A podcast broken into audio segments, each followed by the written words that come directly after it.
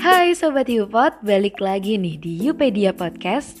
Kali ini bareng aku Tifa dan gak kalah seru kita bakal bahas sesuatu yang menarik dan cukup hype nih sekarang. Kemarin kan eh, ini ya kita udah bahas tentang kenapa sih kita tuh harus bangun jam 5 pagi gitu kan.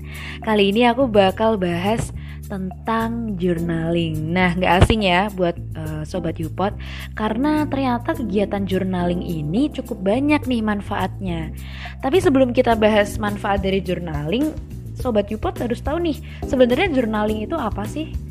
Nah, kalau misalnya buat aku sih ya, journaling tuh kayak ini ya, kayak kegiatan uh, tulis menulis yang sebenarnya bisa dilakukan di buku ataupun uh, apa ya sekarang tuh ada notes notes yang di lebih modern kan kalau misalnya di laptop atau di komputer gitu kan.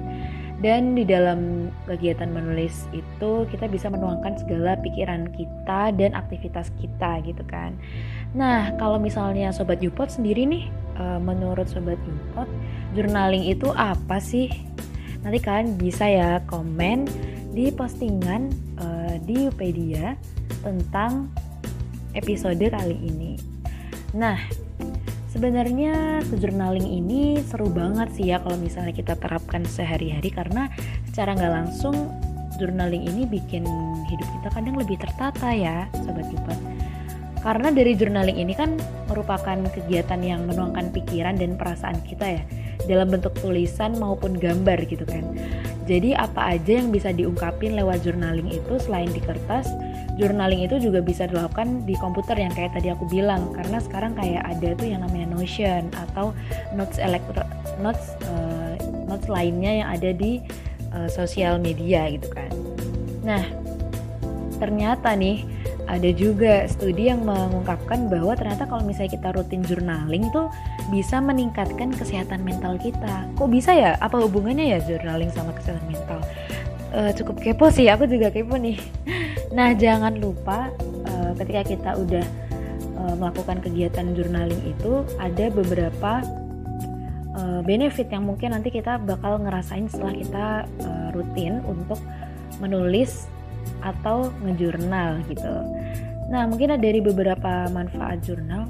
Mungkin yang pertama ini ketika kita udah rutin nih sama yang namanya ngejurnaling, tentu gak hanya bermanfaat buat menata hidup sama buat rencana lebih baik sih. Ternyata aktivitas ini banyak banget manfaatnya gitu kan. Nah mungkin yang pertama aku bakal bahas nih tentang manfaat journaling.